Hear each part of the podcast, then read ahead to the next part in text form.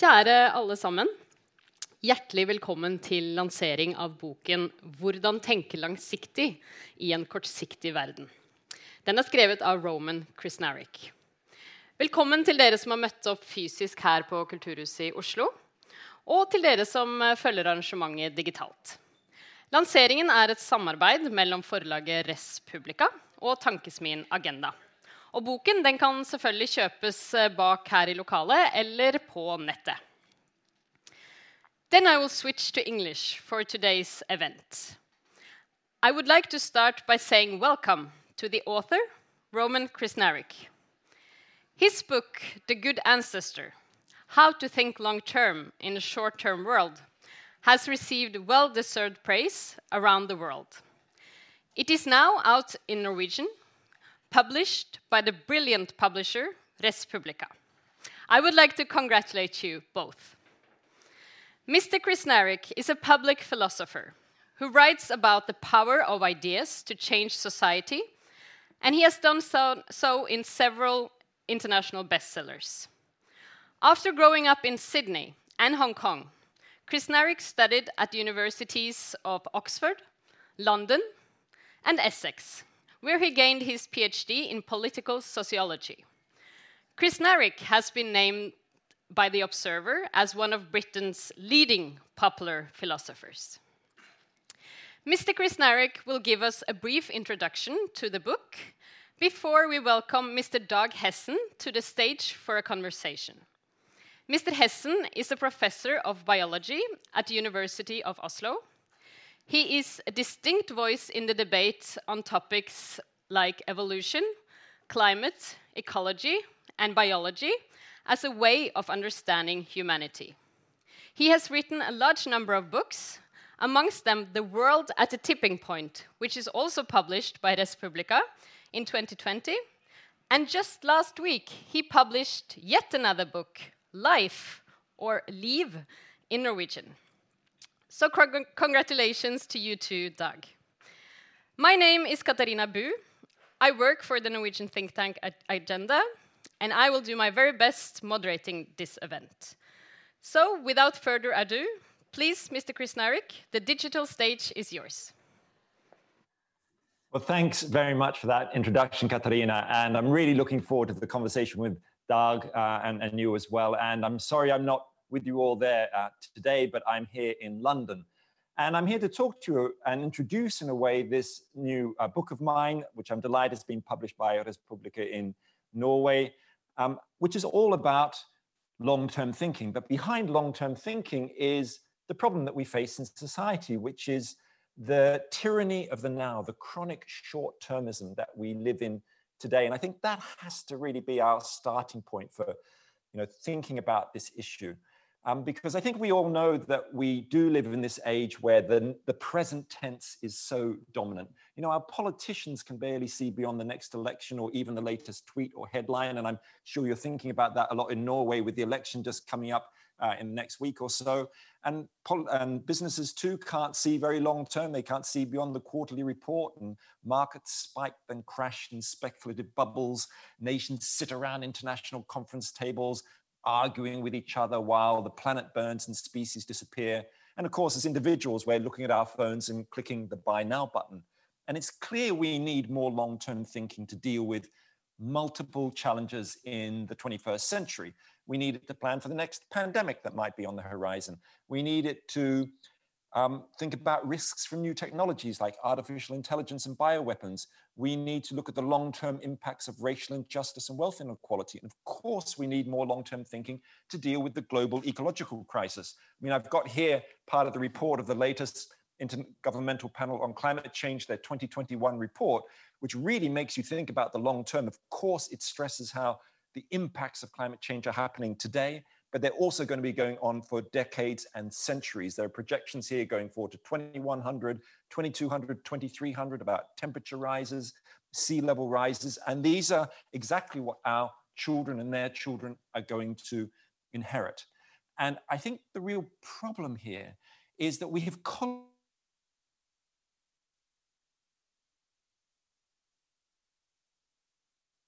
treat the future like a distant colonial outpost where we can freely dump ecological degradation and technological risks as if there was nobody there. And the tragedy, of course, is that all those generations of the future aren't here to do anything about it. They're given no political rights or representation. They have no influence in the marketplace. And it can be quite difficult to, I think, get our heads around the scale of this injustice. But if you think of it this way, that you know there are 7.7 billion people alive today, but then in the next two centuries alone, tens of billions of people will be born, amongst them all your grandchildren and their grandchildren and the friends and communities on whom they'll depend.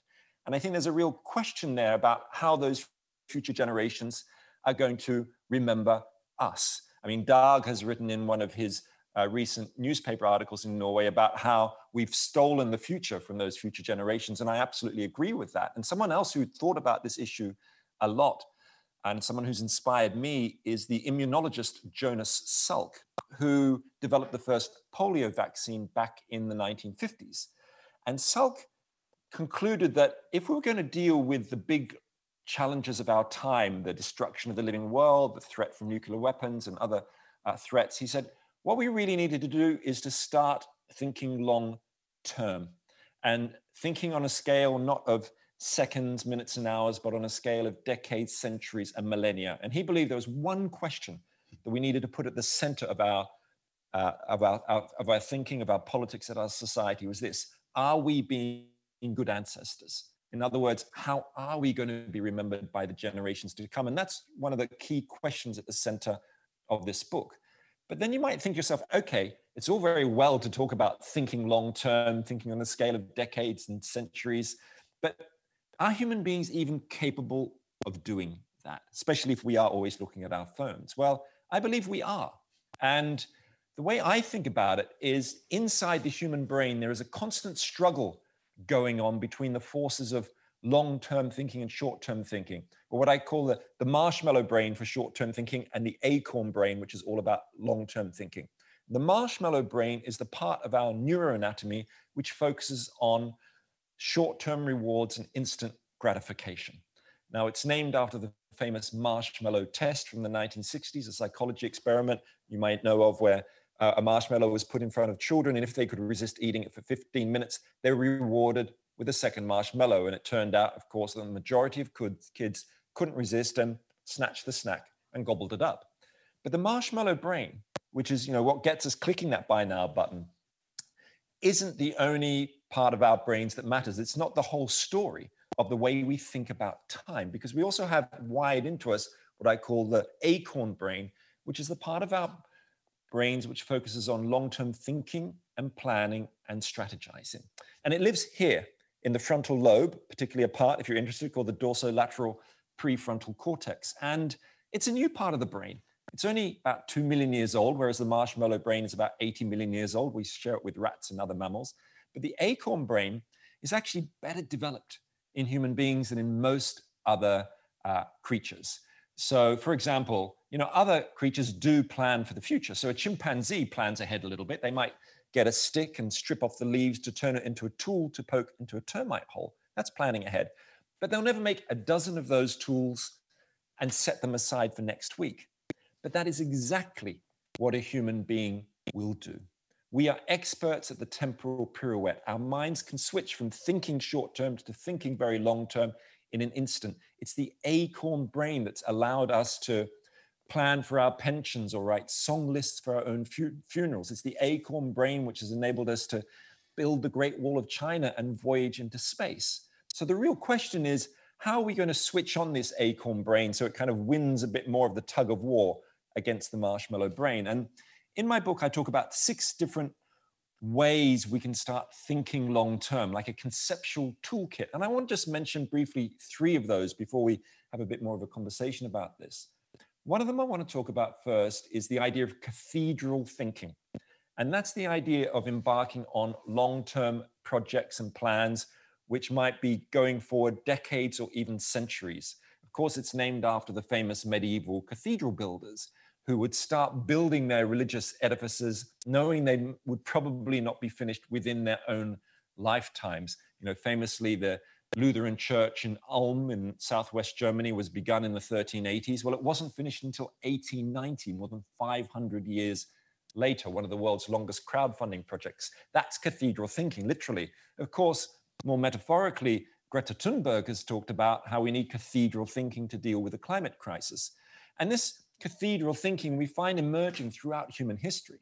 Um, think, for example, not just of religious buildings, but of, for example, the sewers that were built in Victorian London in the 19th century after a time called the Great Stink, when the stench, the smell was so bad, tens of thousands of people were dying from cholera because raw sewage was being dumped in the River Thames. And the government finally passed the emergency legislation to build the sewers.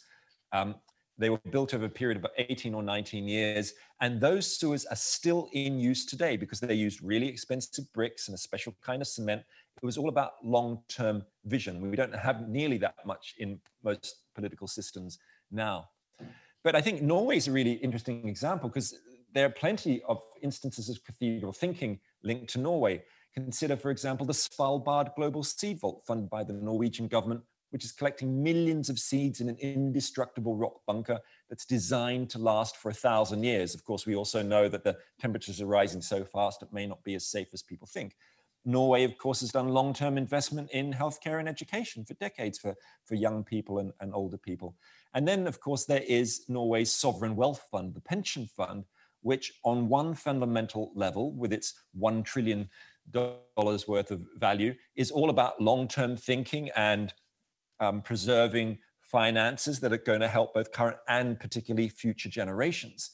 But I think the Sovereign Wealth Fund, though sometimes held up as a great example of long term cathedral thinking, also shows almost a dark side of cathedral thinking because, as we know, you know, the, the sovereign wealth fund, well, where do those funds come from? They come from fossil fuels, from Norway's uh, oil and gas exports. You know, Norway is the eighth biggest gas exporter in the world, the 15th biggest oil exporter in the world. And I think there's fair grounds to say that Norway can be considered an international drugs dealer. The drug is fossil fuels.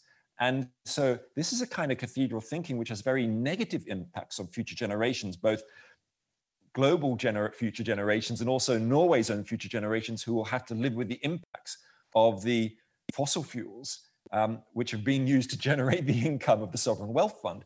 So I think it tells us that cathedral thinking isn't always good for us. It's not enough to just think long term in itself. Long term thinking and cathedral thinking needs to be joined with other approaches to thinking long term. And some of these other ones are ones I discuss in my book. And one of them is the idea of intergenerational justice, a second cognitive or mental tool for long term thinking.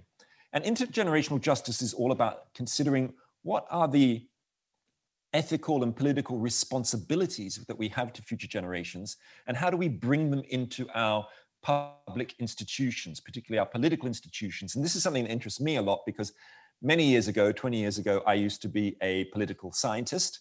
Uh, I was apparently an expert in democracy.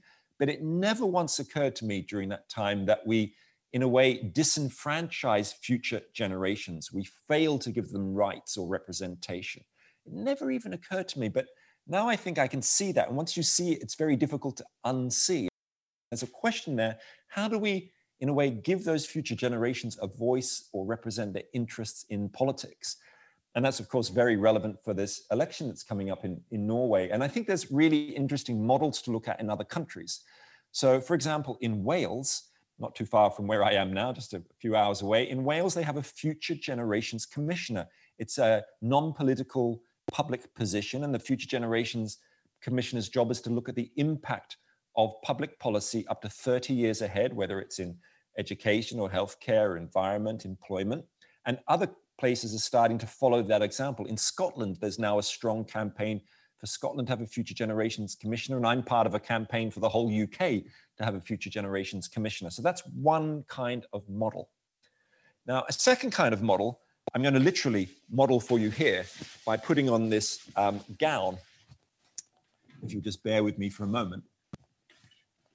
Now, this gown is a genuine gown from the future design movement in Japan. Now, let me tell you about future design. It's absolutely wonderful. It's a grassroots decision making movement, which is based on the Native American idea of seventh generation decision making, found in many indigenous cultures around the world of making decisions based on the impact seven generations from today. But they've kind of translated this idea to the fast moving world of modern Japan. And the way future design works is that local people are invited to discuss and draw up uh, plans for the towns and cities where they live. And they're typically divided into two groups. Half of the uh, participants are told that they're residents from the present day, and the other half are given these ceremonial robes to wear. And this is one from the uh, town of Yahaba in um, northern Japan, population 30,000. And the people wearing the gowns are told to imagine themselves as being from the year 2060, 2060, so, you know, 40 years in the future. And it turns out that the residents from 2060 systematically advocate far more transformative plans for their towns and cities, whether it's long term investment in healthcare or action on climate change or dealing with the threats of automation and artificial intelligence. And I think what's striking to me about future design is not only has it been studied in depth by economists looking at the impacts, um, so it's very well documented, but it's also spreading to big cities like Kyoto. It's being used in Japan's Ministry of Finance and big companies like Fujitsu as well.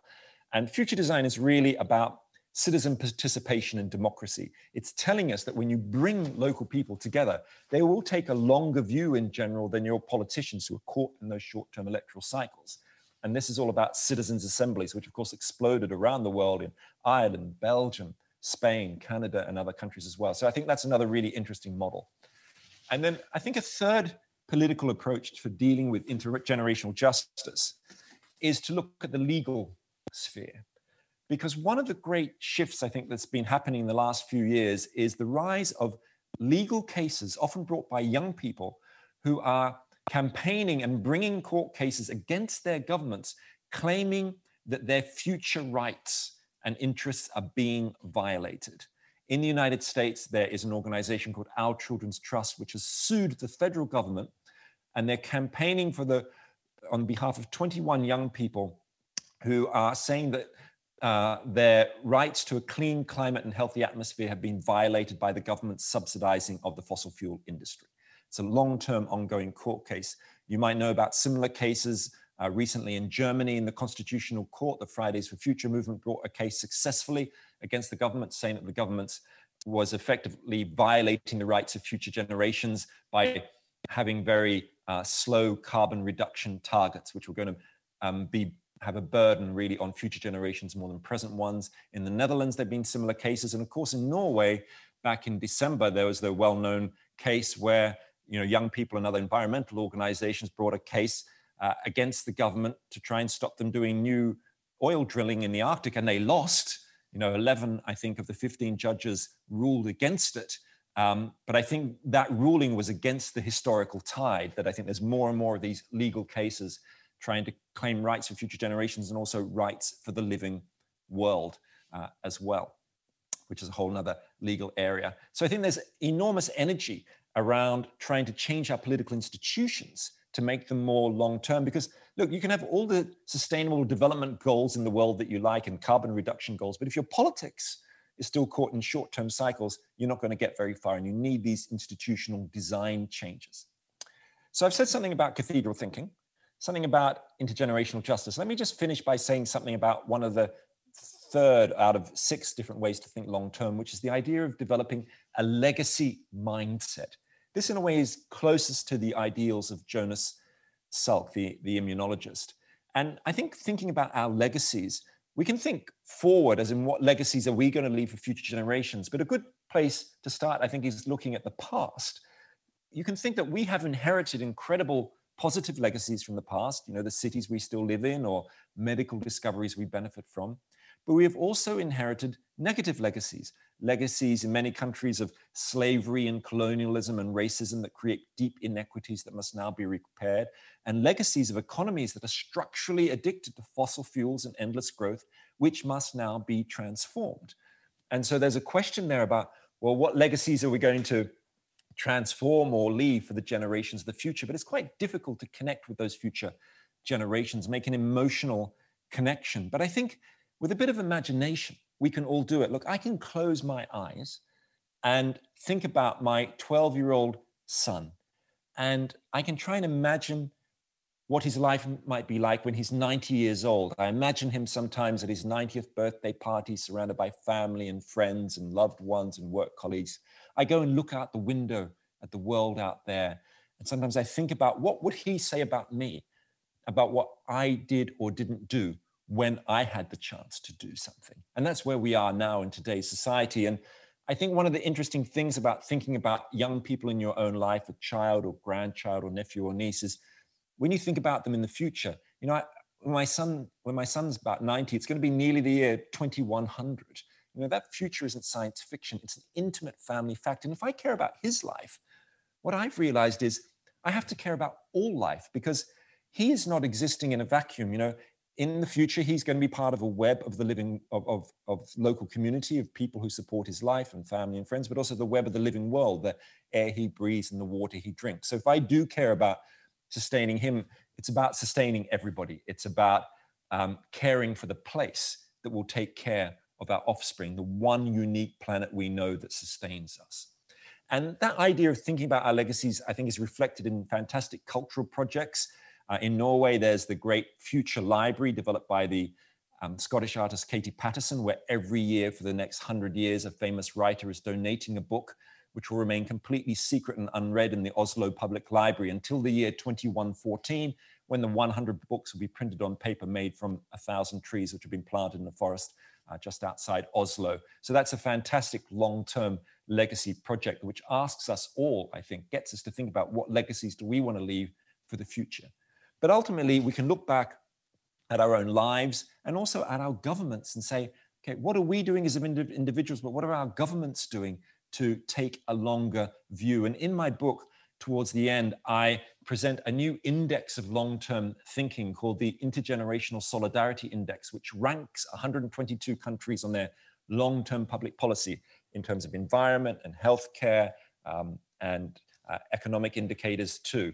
And one of the interesting things about it is that whereas Norway normally comes top of all these indicators of well being and equality and happiness, it doesn't do very well on the Intergenerational Solidarity Index. It comes down at number 26 out of 122. Why? Because it's penalized because of its fossil fuel exports and fossil fuel production. And I think, you know, that's the great sin that, um, you know, Norway or the world sees Norway as committing. And I think any government which is committed to caring about future generations is going to get itself off fossil fuels, is going to shift its ecological mindset. And I think if we all do that, our institutions, in our businesses, in churches, in our communities, in our families, we might well become the good ancestors that future generations deserve. And with that, I'd like to stop and I look forward to the conversation.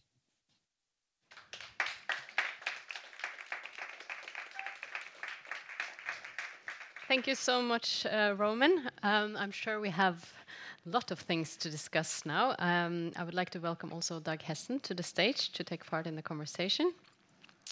Uh, I thought we could start by dwelling a bit on the problem first, uh, before we look, look, more into possible um, and political solutions.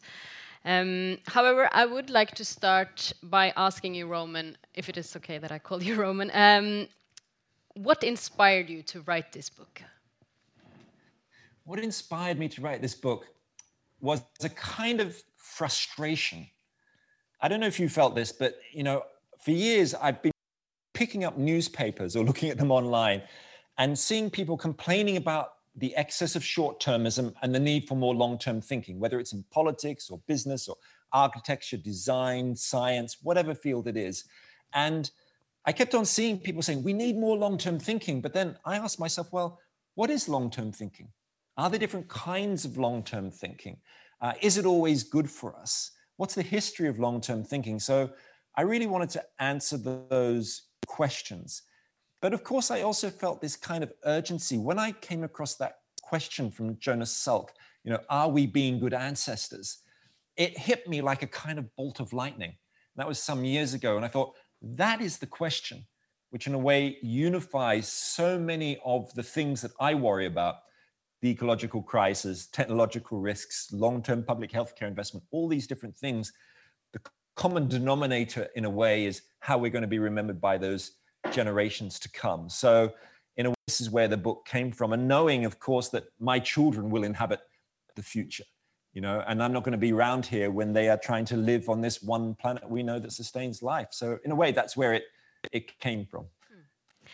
Dag Hessen, uh, you have written extensively on the climate crisis, and as a biologist, you know better than most of us what the rapidly changing climate does to nature.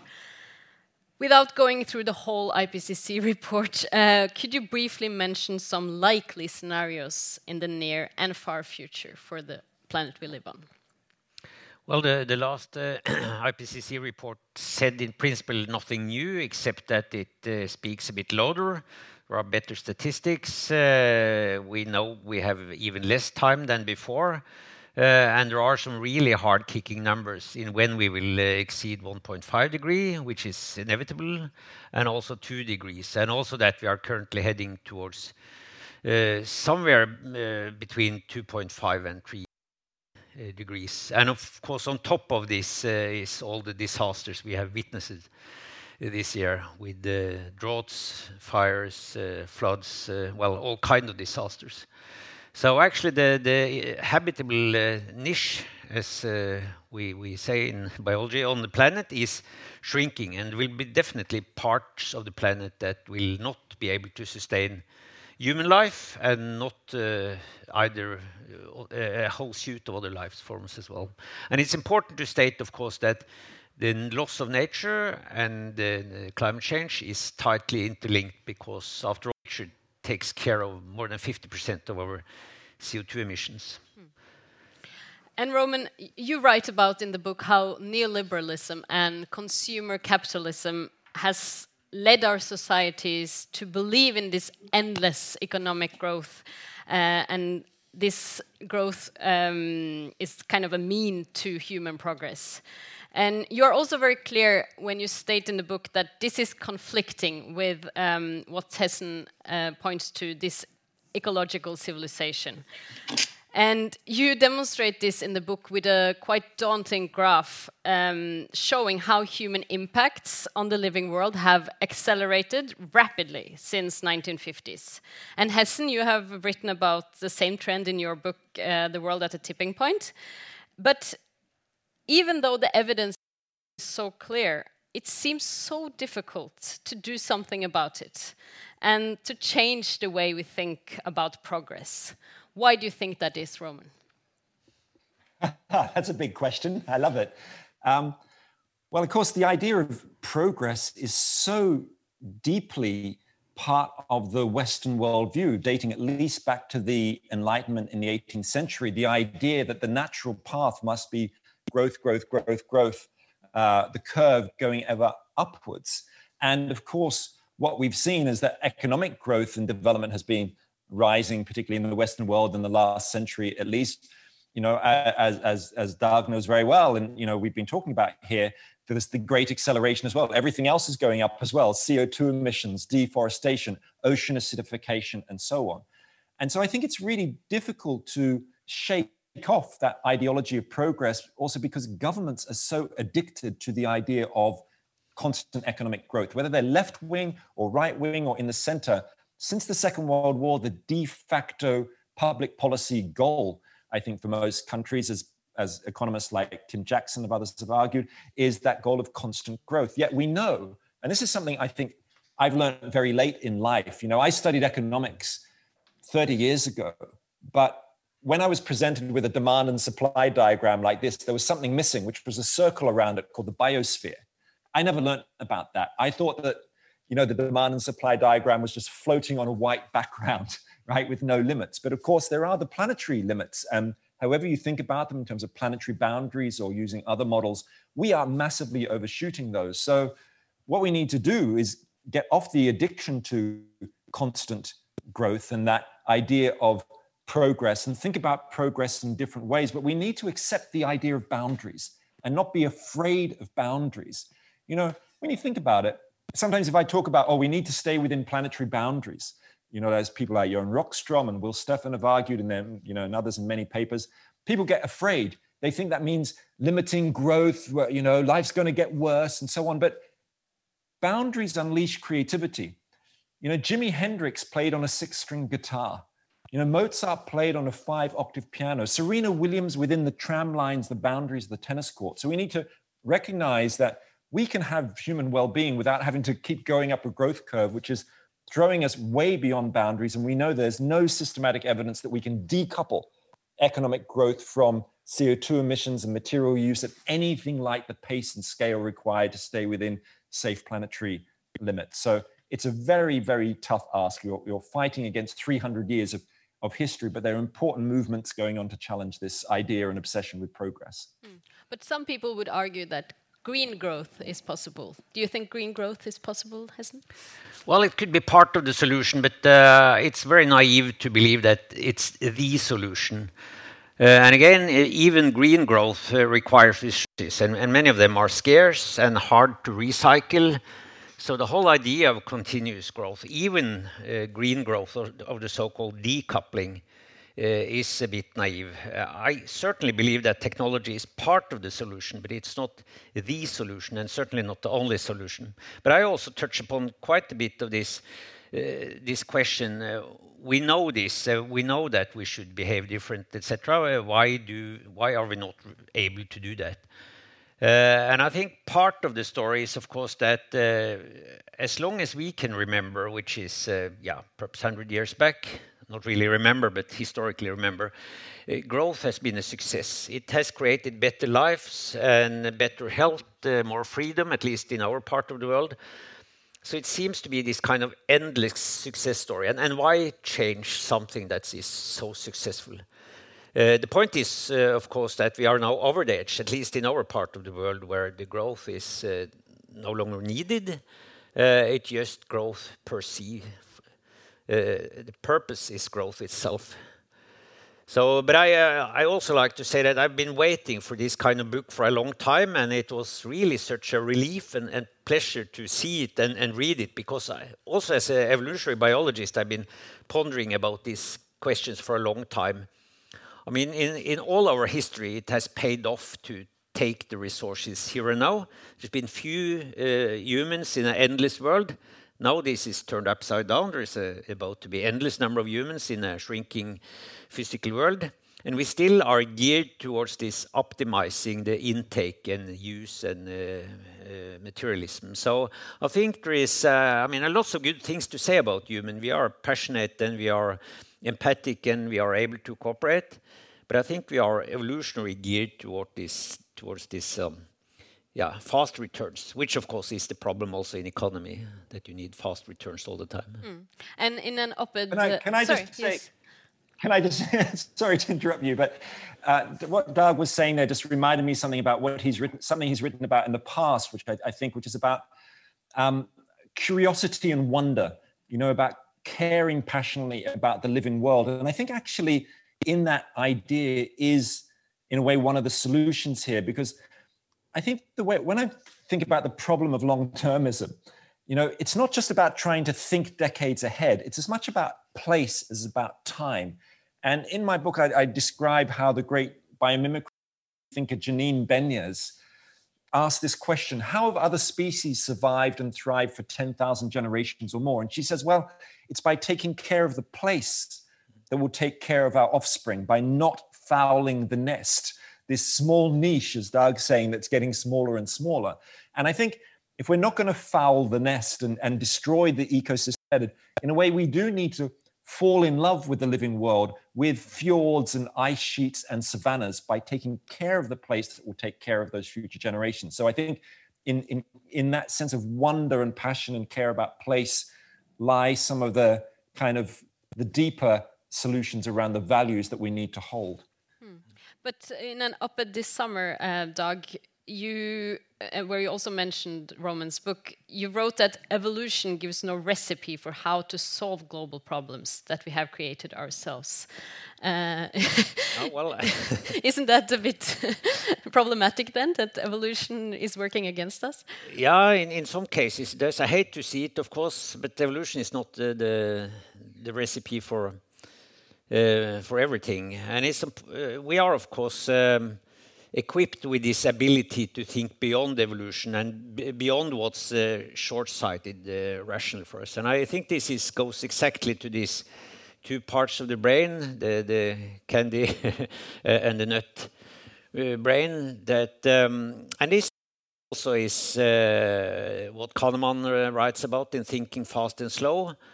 Of course, quite too often we, we are short-sighted and we follow the immediate desires, um, while we, of course, rationally believes and, and knows that we should behave different. Uh, we are able to overcome this in, in our daily life uh, by saying, no thanks, no more chocolate. We can resist a very attractive person. We can do these kind of things. But uh, we are to, to deal with this rational thinking in a, in the long term. So um, uh, and I mean, there are many signs of this. Uh, of course, we still like uh, sweet and salt and fat food because this has been limitations in the past and very important to go after. Today, of course, this is completely rational and unhealthy, but we still have these desires. Hmm.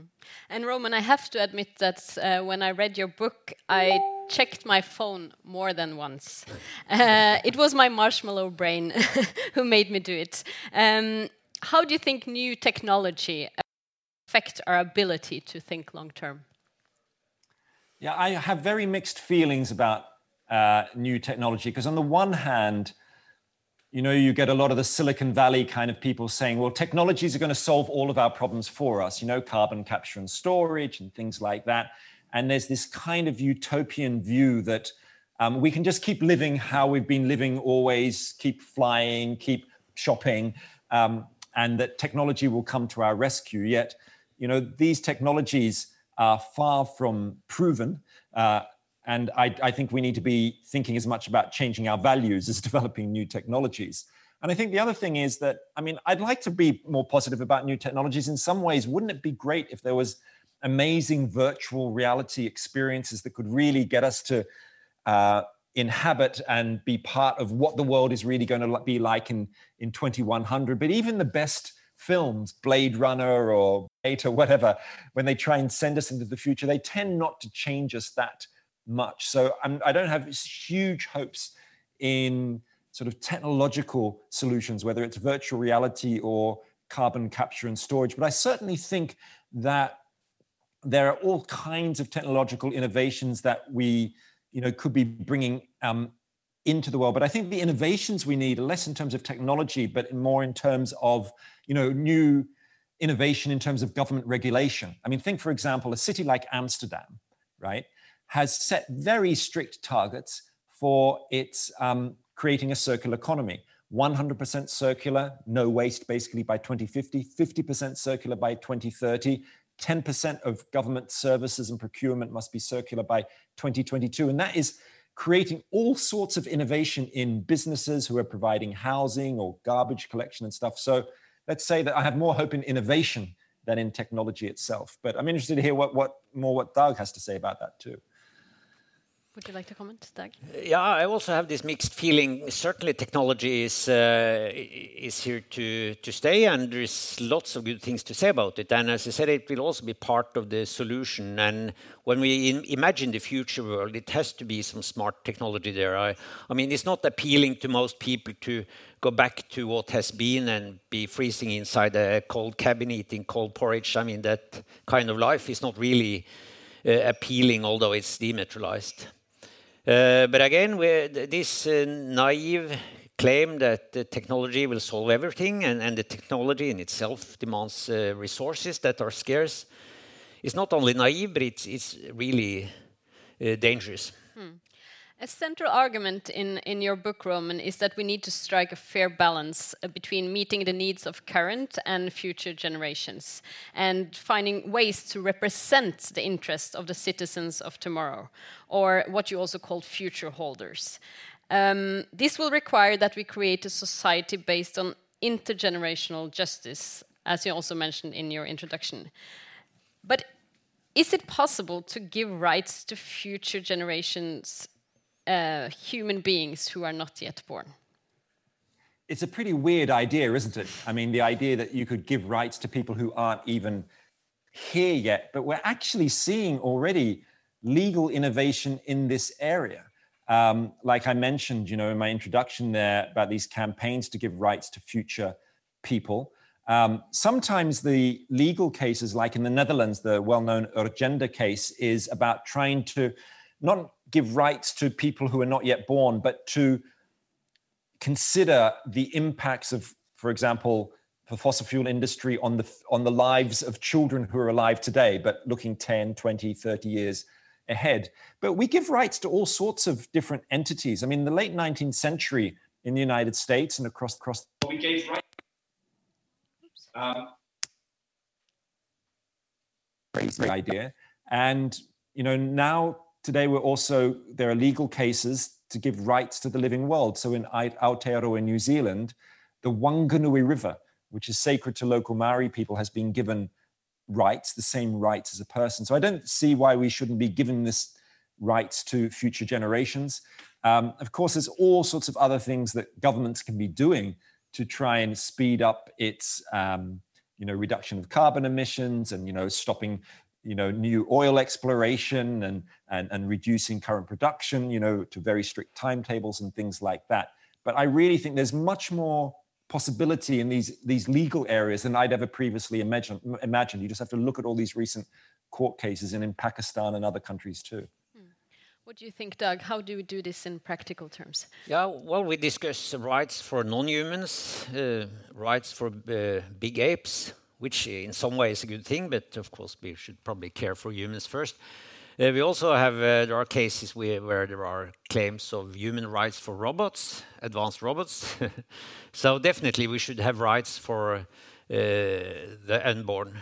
Uh, a puzzling thing uh, is that when most people are asked uh, what do they think about the future and how far do you see the future, what is the future, most people tend to think that this is something that might be 15 or 20 or 30 years or at least not beyond my lifetime. Uh, so that's a very uh, strange constraint in, our ability to imagine the, future. But I think this has also to do with meaning. To me, uh, I would think everything would look bleak if I uh, knew that humans would disappear 100 years from now. We have been here for 300,000 years, something like that, and, and why shouldn't we have that kind of perspective? because uh, we can have agree that is a moral right for the non-born, but uh, to imply you, legal rights is of course uh, probably a, a, larger step. Mm. Because I must say, as a person who work uh, normally on international development, and I have spent the last year reading about how the Corona crisis has affected poor people, poor countries, and how it has increased inequality in the world. Um, I do struggle a bit to see how leaders of today take a greater concern about people who are not yet born. Uh, what is your response to disillusioned people like me?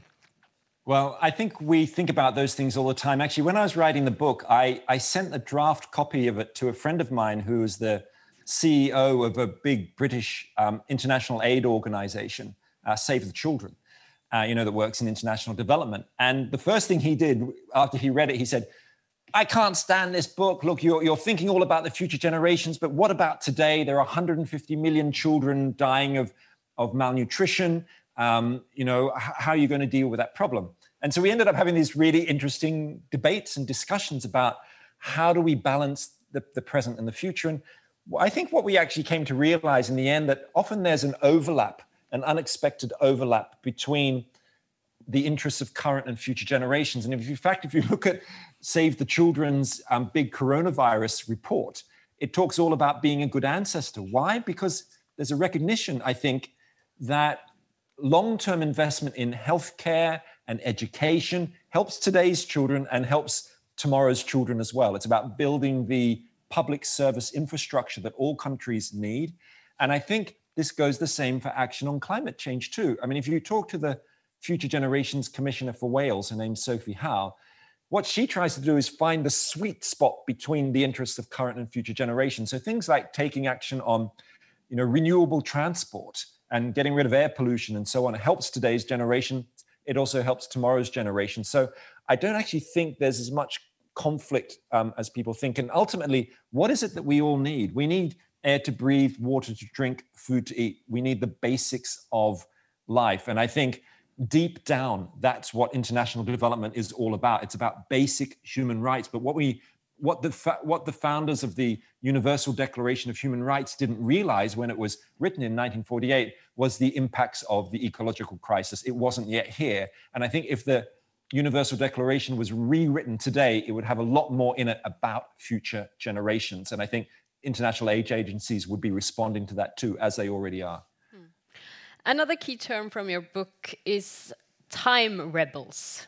Who are these time rebels? Ah, the time rebels. Yeah, it's, you know, when I started writing this book, I started realizing how many people there are who are committed to taking action on long term thinking and intergenerational justice. And I tried to invent a name for them, you know, and I thought of the name of, of time rebels um, because I think rebellion and dissent has always been an important part of social and political change. Think of, you know, the uh, Gandhi leading the salt marches against, you know, the British in India, or the suffragettes fighting for women's rights, uh, in Britain in the early 20th century or in the, in the United States, or the civil rights activists in, in the United States. These were all rebels. And we need a new kind of rebellion today, which is about thinking about the impacts of the, you know, the ecological crisis, particularly on future generations. And so the Greta generation, which includes, you know, my kids, I've got 12 year old twins, they are kind of natural time rebels. You know, they're angry in a way about what recent generations have done and are doing to their future.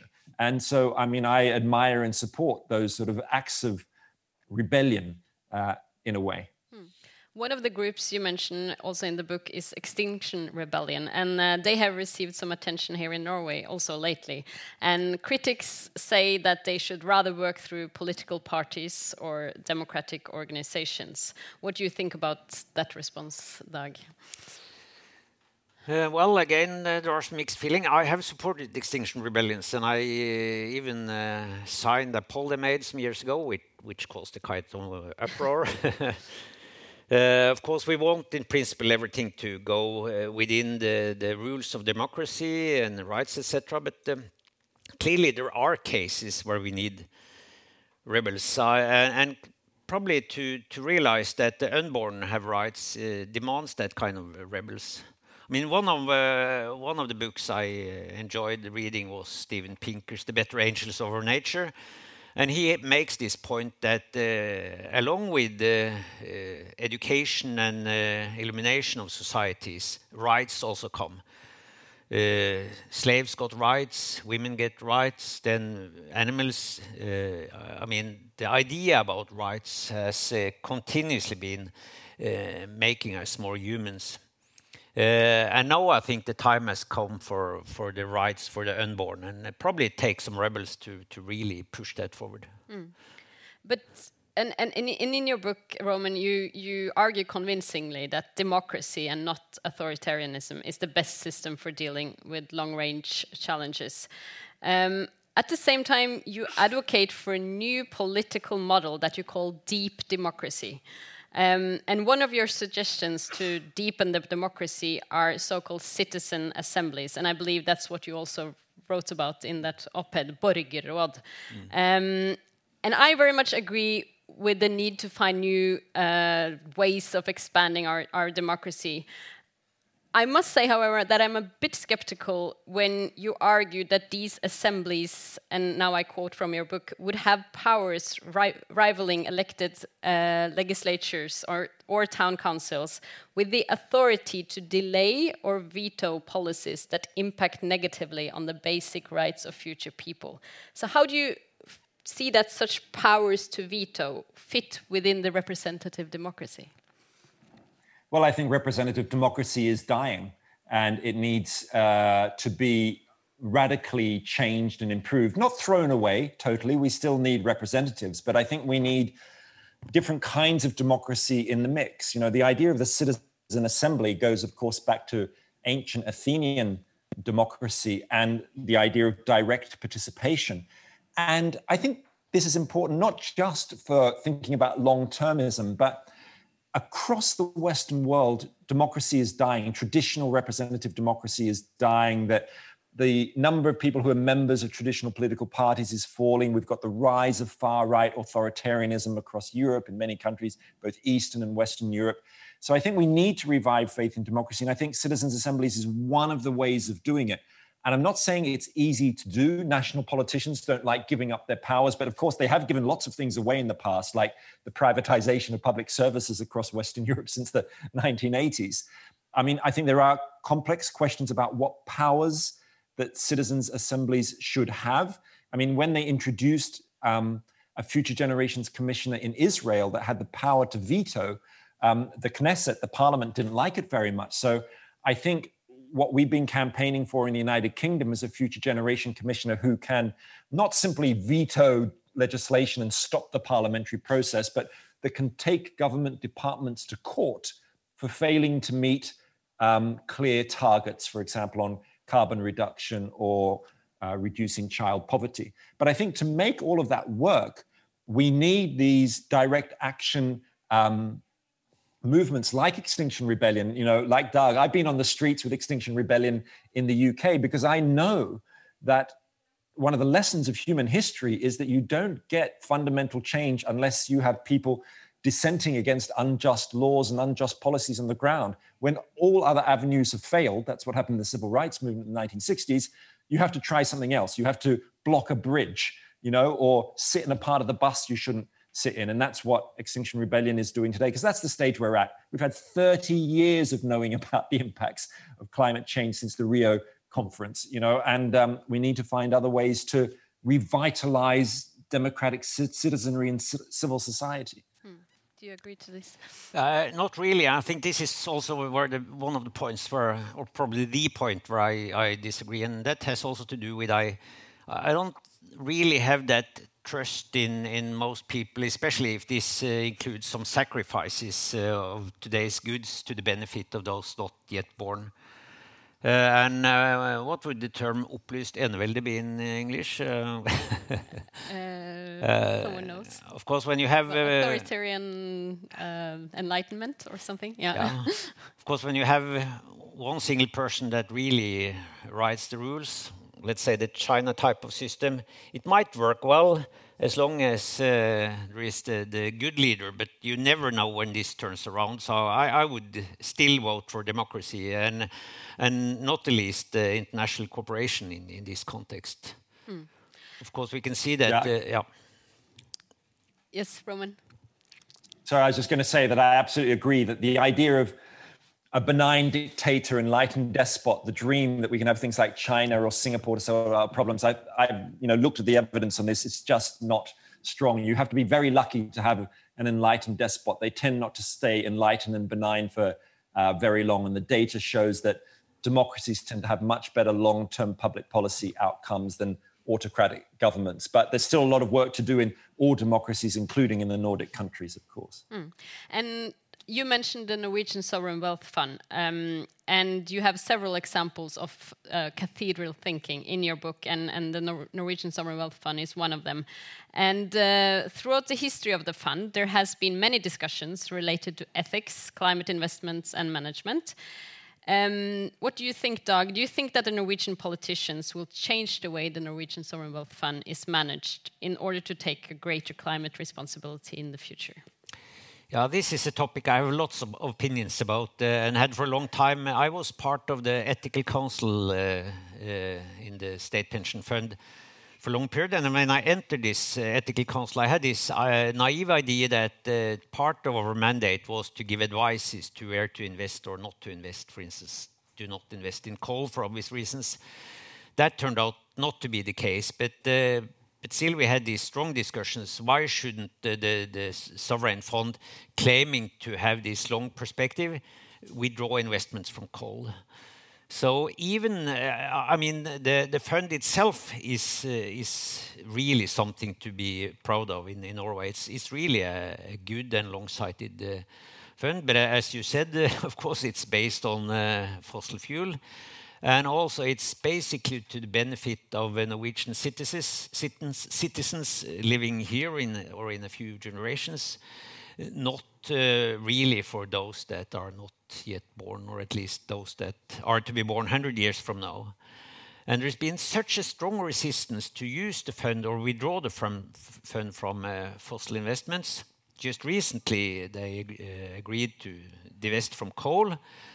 Uh, and then, just with argument that this was strictly for economic reasons, had nothing to do with climate or ecology, because then it would be politics, and God forbid. But as long as you could say that this was strictly due to um, uh, to, to, financial reasons, then it was okay. So, I mean, the fund is also both uh, long term and good in in some way. It's it's the ideal way of placing the the, the, the wealth from the oil income. Uh, on the other hand, it could be much more progressive in really uh, being uh, to the benefit of, the distant future, I think. Mm. And we are less than a week away from from an election here in Norway, and um, the politicians who are elected will will sit for only four years. Um, but some would say that choices that they make now is um, perhaps the most critical in time uh, and more important than ever. If I could give you uh, the opportunity to just give one advice to the politicians that will lead Norway for the next four years, both of you, uh, what would that be, Roman? Well, look, I, I, don't pretend to have any expertise in Norwegian politics, but you know, when I look at Norway, especially with the COP26 climate talks coming up, I mean, Norway, there's a you know, never before in human history has there been a country as wealthy as Norway, or not nearly. You know, it's it's absolutely extraordinary. And if Norway can't take the lead on taking action on cutting its fossil fuel emissions, then what hope is there for the world? You know, and Norway is in a better position than any country in the world, or at least one of the most best positioned to immediately stop new exploration of um, of oil and Arctic drilling, and then to rapidly um, close down production of fossil fuels. Um, and I know there are different dates that different political parties say, well, this should be by 2035 or a different date, but the sooner the better. It's got a sovereign wealth fund and other funds that can help finance the admittedly difficult um, challenge of, you know, of course, there are 160,000 people involved in the uh, fossil fuel industry in terms of employment. None of this is easy, but Norway should be taking global leadership on this and the line up to um, COP26. Dag? Well, uh, unsurprisingly, of course, I echo all that. I, I, completely agree. And I also would have one very concrete advice, and that is to urge all politicians to, to read your book, uh, to, to really see beyond the next four years. I, uh, I think many politicians are capable of doing that, and, certainly do, but of course, they're also trapped in this re election. And this is not only about the politicians, it is also about the voters. We also need, all of us, to have a, a more long term perspective. Mm. Unfortunately, we have to end the conversation here, but I do hope you will all read Krznaric's book, also any politicians following us uh, live. Um, and please do your very best, I know I will, to uh, use my acorn brain and plan for future generations. And uh, not the least, that you vote uh, Monday for someone who does. So thank you, everyone, for coming, and especially thank you to Roman and to Dag. Thank you very much. Thank There's you. the acorn.